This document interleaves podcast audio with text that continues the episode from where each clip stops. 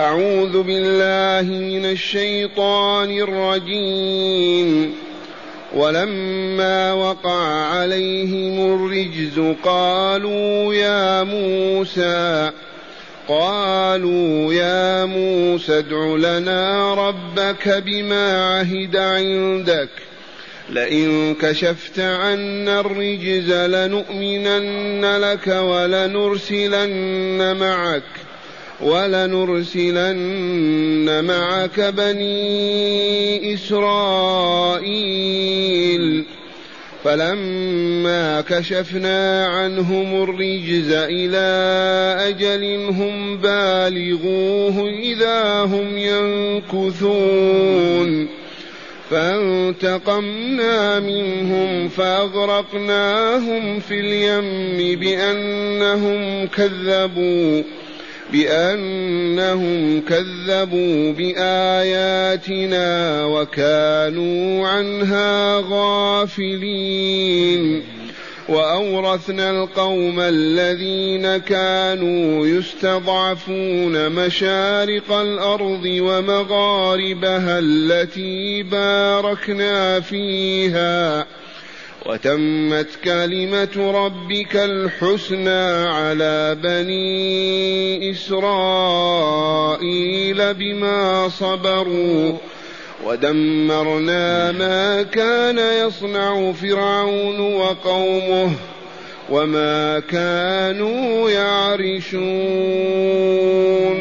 معاشر المستمعين والمستمعات من المؤمنين والمؤمنات. ما زال الحديث مع موسى الكليم عليه السلام ومع فرعون وملئه من الكافرين. فقول ربنا جل ذكره ولما وقع عليهم الرجز الرجز العذاب الذي تتقزز منه النفوس وهذا العذاب سبق في الآيات قبل هذه وأنه سبعة أنواع من العذاب. فأرسلنا عليهم الطوفان. أمطار أغرقتهم أو كادت تغرقهم. فلجأوا إلى موسى. يا موسى ادع لنا ربك. فإن كشفت عنا هذا العذاب لنؤمنن لك. ولنرسلن معك بني إسرائيل. فيرفع كفيه إلى ربه ضارعا يسأل. فيستجيب الله. فينتهي ذاك النوم من العذاب. وتعود الحياة كما هي. فيطالبهم بالإيمان وبإرسال بني إسرائيل فيرفضون. فيدعو الله تعالى عليهم. فيصيبهم بالجراد. وهكذا القمل والضفادع والدم في فترة من الزمان لا يعرف عددها إلا الله. كلما يصابون يفزعون إلى موسى. لما يدعو الله ويكشف عنهم يعودون إلى غيهم وشركهم وباطلهم وإصرارهم على الكفر وعلى عدم إرسال بني إسرائيل مع موسى ليذهب بهم إلى القدس. سبعة من أنواع العذاب كلها رجز. قال تعالى ولما وقع عليهم الرجز قالوا يا موسى ادع لنا ربك بما عهد عندك. والذي عهده عنده إما أنه دعاء يدعو به موسى فيستجيب الله له أو بما عهد عنده من أنه إذا كشف عنا العذاب نؤمن به ونرسل بني إسرائيل معه. عهد الله له بذلك. إذا ادع لنا ربك والعجب. لماذا ما يقول لنا ربنا؟ لأن ربهم فرعون. هذا رب الأعلى وأصنامهم كلها خاضعة له تابعة له. ربك يا موسى وهذا منتهى الجهل. ما دمتم تؤمنون أن لموسى ربا يتصرف الكون؟ لما ما يكون ربكم أنتم؟ ألستم مخلوقين مثل موسى؟ ولكنها ظلمة الكفر وعمى الشياطين. ادع لنا ربك لئن كشفت عنا الرجز هذا في كل حادثة من السبع. يعيدون هكذا ويخلفون. لئن كشفت عنا الرجز لنؤمنن لك. وهذا دل على قسم. حلفوا. بآلهتهم ولم يذكرها القرآن لعدم صلاحيتها. لنؤمنن لك أي نؤمن بما تأمرنا أن نؤمن به بأنه لا إله إلا الله. ولنرسلن معك بني إسرائيل تذهب بهم إلى أرض الشام والقدس. ولا شك أن بني إسرائيل عرفتم أنهم أولاد يعقوب ابن إسحاق ابن إبراهيم ويعقوب يكن بإسرائيل بمعنى عبد الله أو عبد الرحمن. أولاده الذين انحدروا من صلبه بعد قرون هم بنو إسرائيل. وعما قريب يصبحون اليهود. لفعل فعلوها فأطلق عليهم لفظ اليهود. قال تعالى جل جلاله وعظم سلطانه فلما كشفنا عنهم الرجز أي ذلك العذاب الشديد المزعج المقلق. إلى أجل هم بالغوه إلى فترة معينة ثم يعودون إلى الباطل ونعيد إلى تعذيبهم. إلى أجلهم بالغوه إذا هم ينكثون. يعطيهم موسى ستة أشهر سنة إذا تابوا يرفع الله العذاب.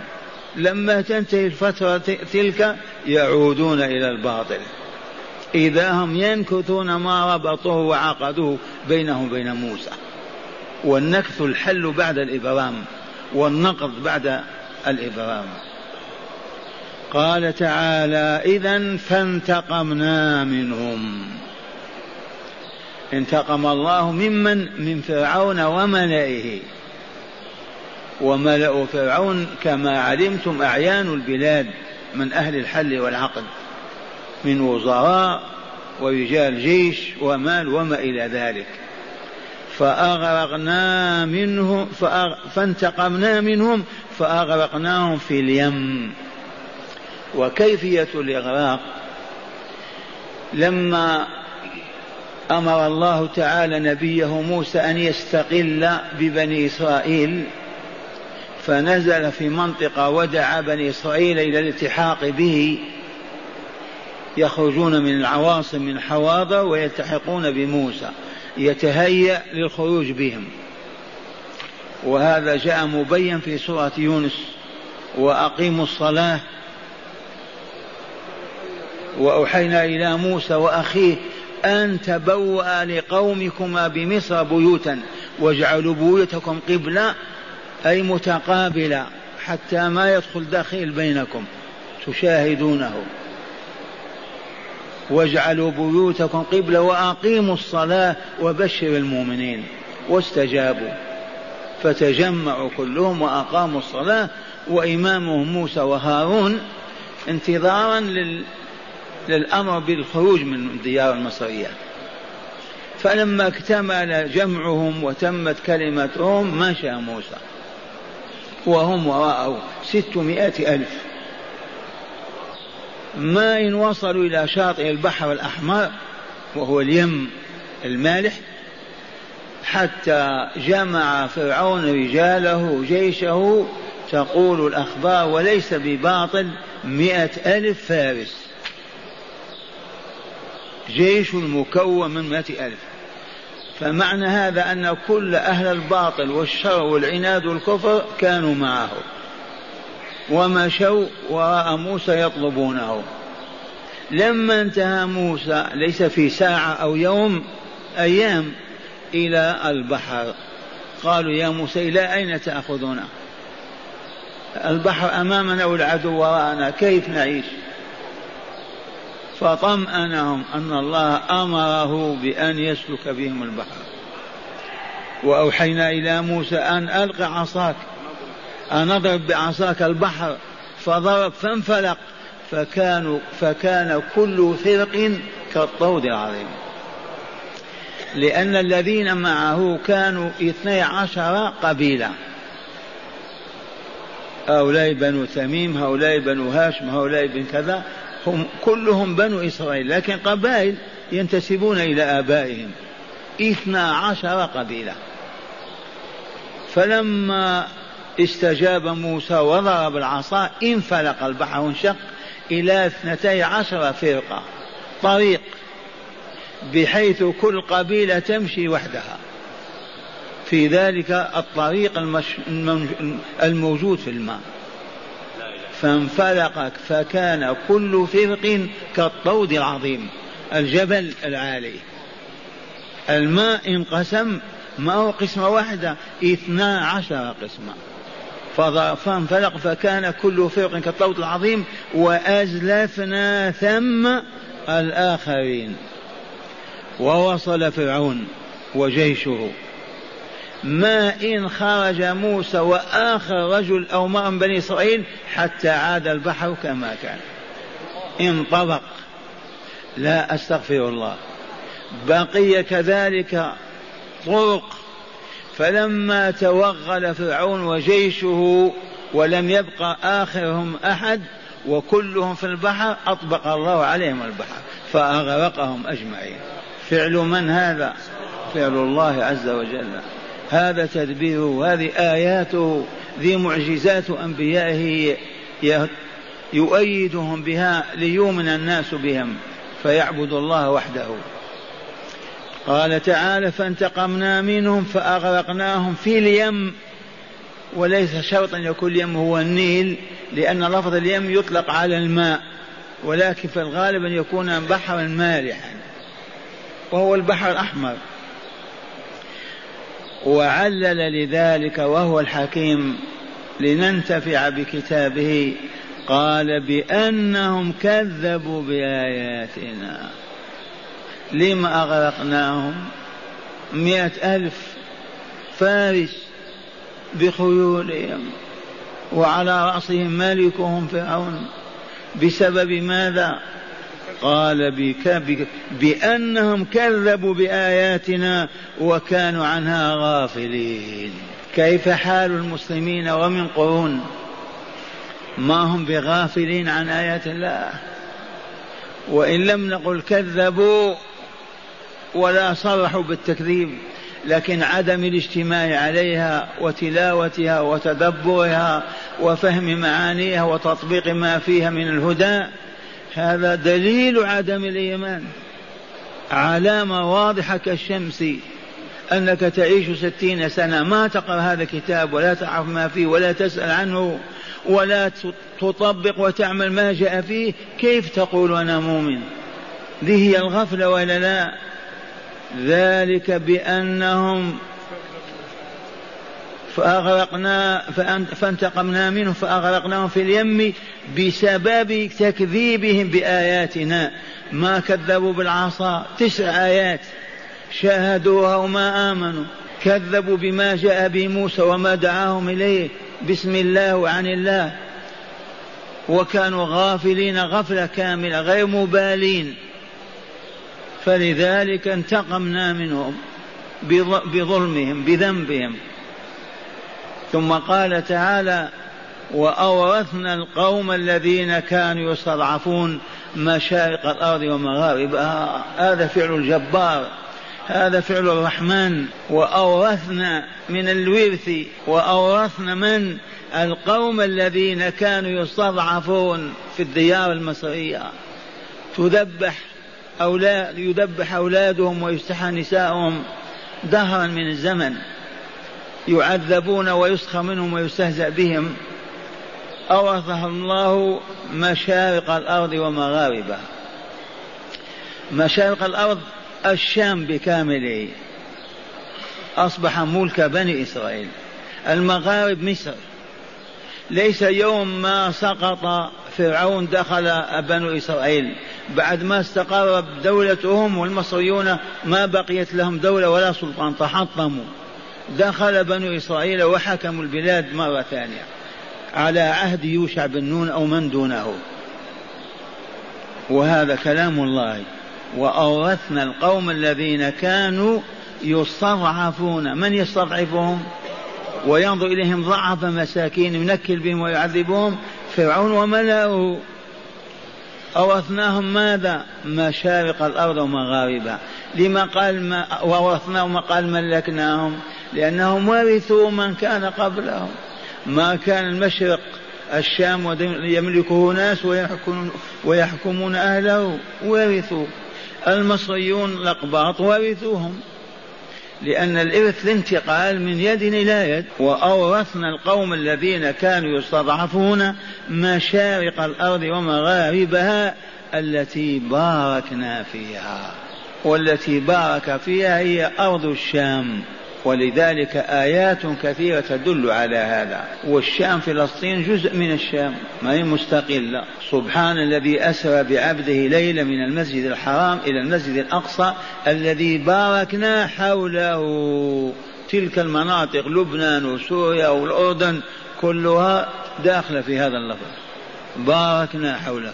إذا وأورثنا القوم الذين كانوا يستضعفون أورثناهم ماذا؟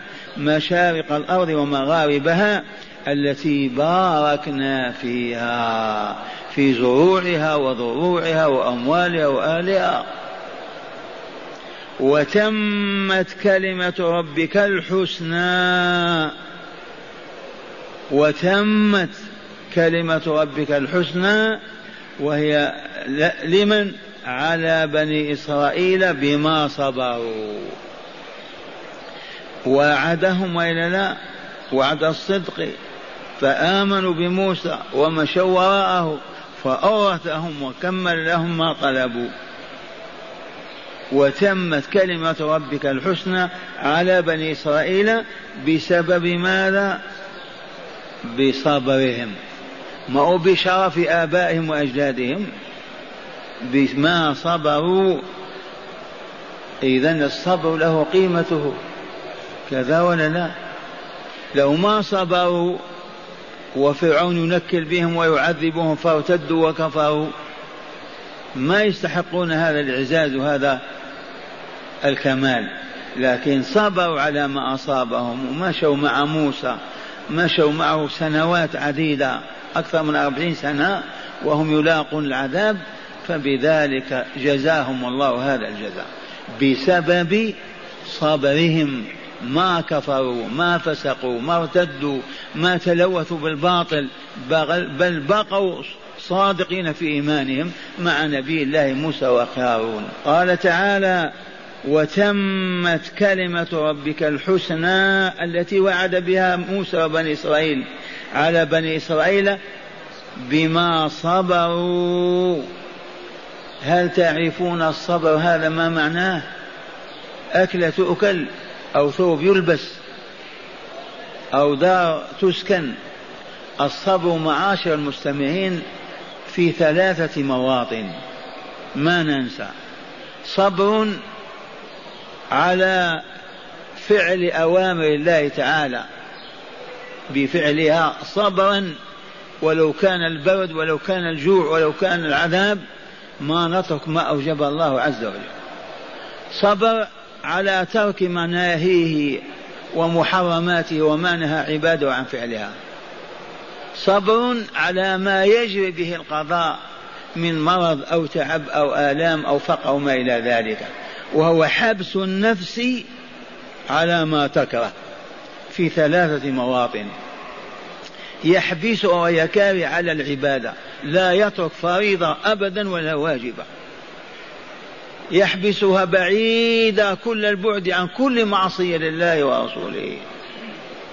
ويضغط عليها ويشدد حتى لا يفعل محرما أو يقوله والموطن الثالث صبر حبس النفس على ما كتب الله في القضاء والقدر من آلام.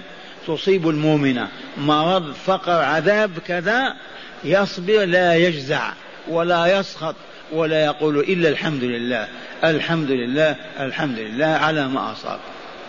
فقوم موسى صبروا على العذاب الذي كانوا يتلقونه من فرعون ورجاله. صبروا على مع موسى. الآن جزاهم الله عز وجل فأغرق عدوهم وهم يشاهدون. ومن اللطائف أن فرعون بدنه ما غرق في داخل البحر. بقي على سطح الماء عرفتم؟ وذكر تعالى لطيفة أخرى في سورة يونس فاليوم ننجيك ببدنك لتكون لمن خلفك آية وإن كثيرا من الناس عن آياتنا لغافلون. قبل هذه الآية وجاوزنا ببني إسرائيل البحر فأتبعهم فرعون وجنوده. حتى إذا أدركه الغرق. قال آمنت أنه لا إله إلا الذي آمنت به بنو إسرائيل وأنا من المسلمين. عرفتم ما يقول آمنت بالله؟ ممنوع عليه. آمنت بما آمن به بنو إسرائيل. كأنه لا يعرف شيئا من مكره ودهائه. الآن هذا وقت الإيمان. ولهذا الإجماع على أن من تاب حتى غرقت غرغرت النفس في حلقه لا تقبل له توبة. فرعون الآن الماء كاد يخنقه. إذا أعلن عن توبته ولا؟ قال آمنت بأنه لا إله إلا الذي آمنت به بنو إسرائيل وأنا من المسلمين. الآن هذا وقت الإيمان. وقد عصيت قبل وكنت من المفسدين. اللطيفة ذكرناها في الحرب العالمية الأخيرة هذه. كانت طائرات ألمانيا تأتي تحلق على المستعمرات الفرنسية ومنها الجزائر.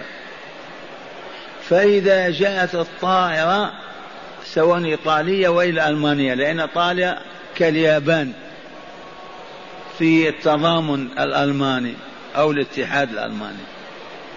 إذا صفرت الصفارة ذاك البوق الإنذار يهرب الناس إلى بيوتهم إلى السراديب والأنفاق ويقولون لا إله إلا الله لا إله إلا الله لا إله إلا الله نساء ورجال. حتى إذا ماتوا يموتون على الشهادة لهم الحق.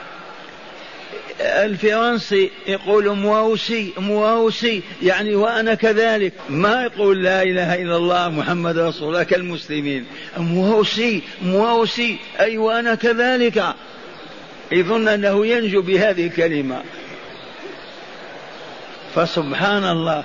فرعون لما كاد يغرق قال آمنت أنه لا إله إلا الذي آمنت به بنو إسرائيل وأنا من المسلمين. أرد الله تعالى عليه بقوله الآن وقد عصيت قبل وكنت من المفسدين. فلهذا إذا غرغرت النفس واحشرجت في الصدر لا تقبل توبة للعبد. تقبل توبة العبد ما لم يغرغر أما إذا غرغر ما بقي شيء. صوت معروف صوت المريض عند الوفاة. حشرجت. النفس ارتفعت إلى الحلق وأصبح يغرغر في النطق وخلت كل من جسمه بقيت هنا. لأنها تنسل انسلال الشعر من العجين. والشاهد عندنا في فرعون وبخه الله الآن هذا وقت الإيمان وقد كذبت قبل عصيت قبل وكنت من المفسدين فاليوم ننجيك ببدنك لا بروحك.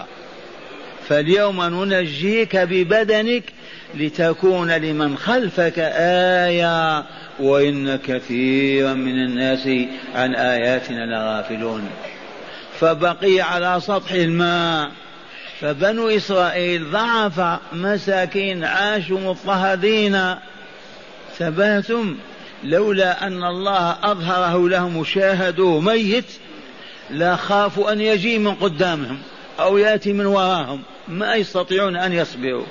فأراهم الله وهم يضحكون عليه ميتا. اطمأنت نفوسهم. تدبير الله عز وجل. ولعل فرعون الآن يوجد في الأمن. فيما يسمى بالتماثيل بالمتحف إذا عرفتم فرعون؟ قال تعالى ودمرنا ما كان يصنع فرعون وقومه وما كانوا يعرشون. دمرنا تلك الصوامع والقصور والمباني خالت من أهلها وتدمرت. وكل ما كانوا يعيشون ويبنون ويرفعون حتى للعنب يجعلون له عرايش إذا تدمرت البلاد تماما. بعدما مات رجالها وسلطانها ما بقي عمل. ودمرنا ما كان يصنع فرعون وقومه وما كانوا يعيشونه هو رفع البناء كالعروش وحتى التعريش للعنب ليكون أيضا فوق العريش. معاشر المستمعين هيا بنا ندرس هذه الآيات في الكتاب. وتأملوا يفتح الله عليكم. قال الشيخ معنى الآيات ما زال السياق سياق الحديث في قصص موسى مع فرعون وقومه. وهذه هي الآيات الأخيرة في هذا القصص. غدا إن شاء الله آيات غير هذه. انتهى القصص في هذه الصورة. قال إنه لما وقع عليهم الرجز وهو العذاب المفصل. الطوفان فالجراد فالقمل فالضفادع فالدم كما تقدم. ما هو في يوم واحد؟ في السنة مرة يتوبون ما يتوبون. يزيد الله عليهم العذاب. فقالوا يا موسى ادع لنا ربك بما عهد عندك. أي من كشف العذاب عنا إن نحن آمنا بك وبما جئت به وبما تطالب به من إرسال بني إسرائيل معك. وحلفوا أيمانهم وقالوا لئن كشفت عنا الرجز لنؤمنن لك ولنرسلن معك بني إسرائيل. قال تعالى فلما كشفنا عنهم الرجز أي العذاب إلى أجل هم بالغوا إلى وقت ينتهون إليه. حدده الله. ستة شهور سبعة ثمانية الله أعلم. قال إذا هم ينكثون عهودهم التي يعطونها ينكثون عهودهم ولم يؤمنوا ولم يرسلوا بني إسرائيل مع موسى كما يريد. وكان هذا من باب كل آية وآية. هذا ما بين كل ما بين الضفادع والدام ما بين الدام والجراد ما بين كل آية وآية يعطون هذا العهد. لما يدعو موسى وينكشف عنه العذاب هيا يعودون. لما كانوا عليه. قال وكان هذا ما بين كل آية وآية. ما الآيات؟ التسعة. الجواد قمر الضفادع والدام كل واحدة آية على وجود الله وإلا لا وعلمه وقدرته وعلى أن موسى رسوله وعبده وإلا لا وعلى أن ما جاء به هو حق وإلا لا. دي هي الآية تدل على هذه الحقائق كلها. لأن الآية العلامة الدالة على الشيء أليس كذلك؟ قال وكان هذا ما بين كل آية وآية حتى كانت الخمس الآيات ودقت ساعة هلاكهم قال تعالى فأغرقناهم في اليم وهو البحر الملح أي أغرق فرعون وجنده ورجال دولته وأشراف بلاده. إذ الكل خرجوا في طلب بني إسرائيل ثم ذكر تعالى علة هذا الهلاك الذي حاق بهم ليكون عبرة لغيرهم وخاصة قريش. التي ما زالت مصرة على الشرك والتكذيب. خاصة قريش وهو يتناول والله العالم الإسلامي ومنذ قرون من يوم ما أعرض عن كتاب الله وعطل حدود الله وأقبل على الشرك والباطل هم تحت النظارة. إن ربك لبالمرصاد. وإن قلت كيف؟ أما سلط الله عليهم أوروبا وداستهم بنعالها ممالك الهند الإسلامية حكمت يهودي بريطانية. أين رجالات المغرب الإسلامي؟ داستهم فرنسا وإيطاليا وأسبانيا. ظلمهم الله؟ والله ما كان وحاشا الله ظلموا أنفسهم أعرضوا عن كتاب الله. وها هم الآن معرضون ولا حول ولا قوة إلا بالله لا حول ولا قوة إلا بالله. أنجاهم الله من الاستعمار وحررهم وأعتقهم وتخلصوا منه. بدل أن يشكروا الله ويحمدوا ويثنوا عليه ويطرحوا بين يديه يطبقون شرعه. رغبوا عن ذلك وعزفوا متكبرين. لا توجد دولة تأمر بإقامة الصلاة إلزاما قط. ثلاثة أرباع جيوشها ما يصلون ولا يبالون. لا توجد دولة إسلامية باستثناء هذه البقعة توجب الزكاة وتلزم وتلزم المواطن بدفعها أبدا بل عوضوها بالضرائب وتركوا الزكاة كفرا.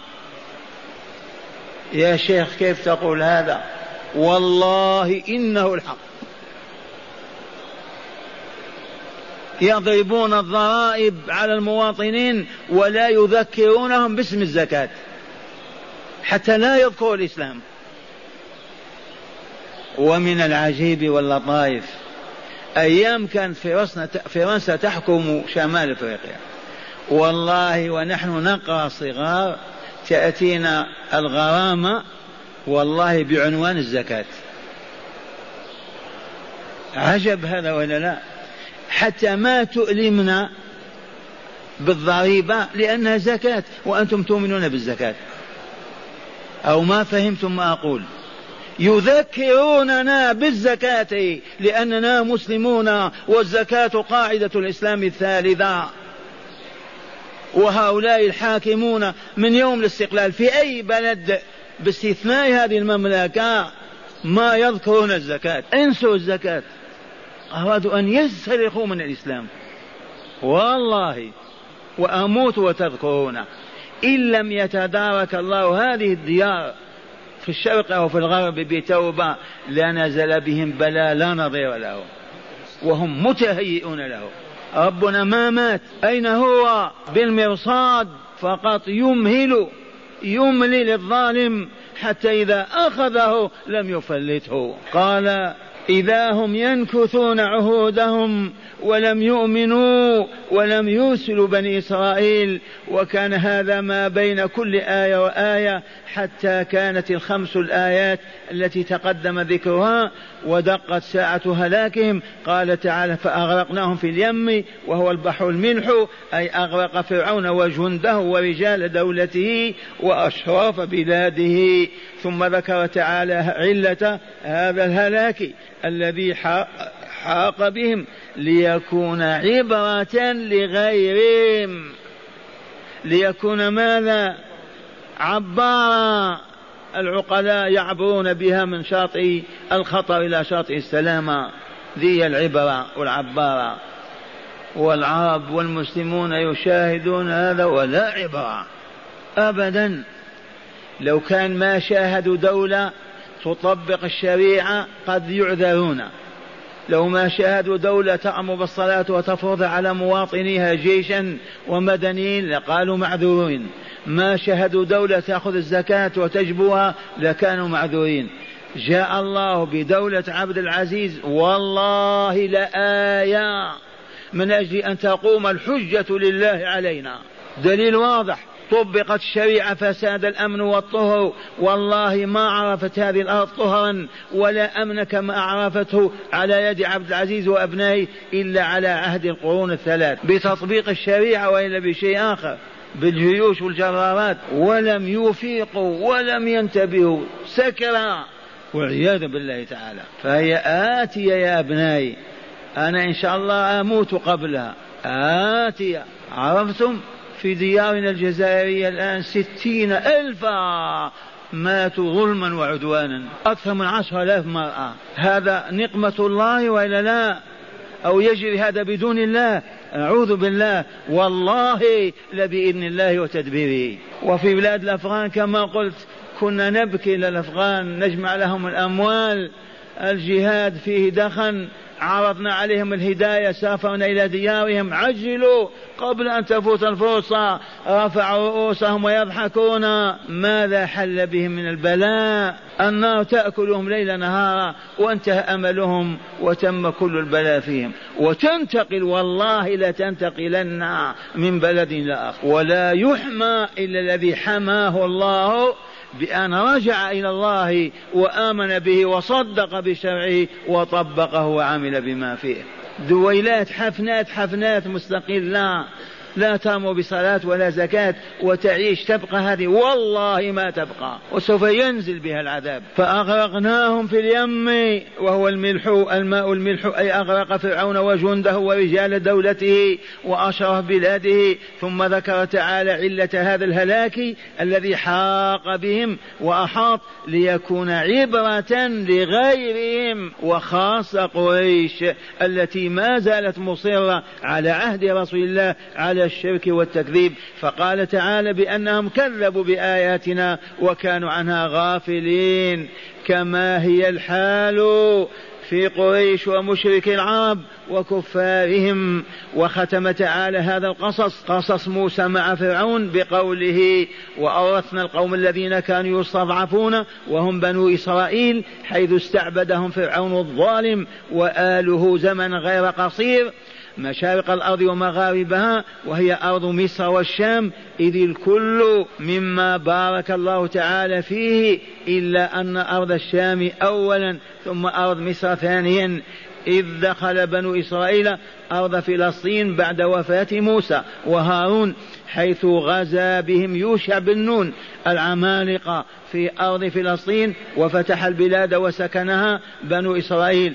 وقوله تعالى وتمت كلمة ربك الحسنى على بني إسرائيل بما صبروا والمراد من كلمة الله الحسنى قوله في سورة القصص ونريد أن نمن على الذين استضعفوا في الأرض ونجعلهم أئمة ونجعلهم الوارثين. هذه في القصص. ونريد أن نمن على الذين استضعفوا في الأرض ونجعلهم الوارثين. أئمة ونجعلهم الوارثين. صار بنو إسرائيل أئمة ولا لا؟ مئات الأنبياء خرجت منهم بعد استقلالهم. قال ودمرنا ما كان يصنع فرعون وقومه أي من سلاح وعتاد ومبان شداد وقصور رفيعة رفيعة البنيان وما كانوا يعرشون ويرفعون ويعلون من صروح عالية وحدائق أنعاب وحدائق أعناب زاهية ظاهرة. وأورث أرضهم وديارهم وأموالهم قوما آخرين غيرهم. والله يفعل ما يشاء ويحكم ما يريد. إلى هنا انتهى قصص موسى عليه السلام مع فرعون وملئه وكانت العاقبة لله وكانت العاقبة له ولله والحمد لله. معاشر المستمعين هداية الآيات. أولا ضعف الإنسان يظهر متى؟ عند نزول البلاء به حيث يفزع إلى الله تعالى يدعوه ويضرع إليه ويضرع إليه وعند رفعه حيث ينسى ما نزل به ويعود إلى عاداته وما, وما كان عليه من الشرك والمعاصي إلا من آمن وعمل صالحا فإنه يخرج من دائرة الضعف حيث يصبر عند البلاء ويشكر عند النعماء. عادت حليمة إلى عادتها القديمة. تعرفون هذا ولا لا؟ لما جاءت حرب اليهود معنا 65 مسيحي. أصبحت إذاعات العروبة كلها قرآن. عرفتم؟ والله لا مزمار ولا أغنية ولا عاهرة تغني. كلها دعوة. ما إن أعلن عن وقوف القتال تباتم وإذا بها عادت كلها إلى الأغاني والباطل. قلنا عادت حليمة إلى عادتها القديمة. يضحكون على الله يعني. أيام الخوف كنا معك. الآن الصلح بيننا وبين إسرائيل. أي نفرفش وننسى كل شيء. لا إله إلا الله. ربنا يعلم هذا ولا لا. يعلم وهو الذي قدره وهو ينظر إليه. وسوف تأتي النقمة الإلهية إلا أن يتدارك الله عباده بالمؤمنين الصالحين فيتوبون ويتوب عليهم. ثانيا سبب العذاب في الدنيا والآخرة التكذيب بآيات الله بعدم الإيمان والعمل بها والغفلة عنها حيث لا يتدبر ولا يفكر فيها وهي ما نزلت لأجله. ثالثا مظاهر قدرة الله وصادق وعده وعظيم منته على خلقه وحسن تدبيره فيهم فسبحانه من إله عليم حكيم رؤوف رحيم.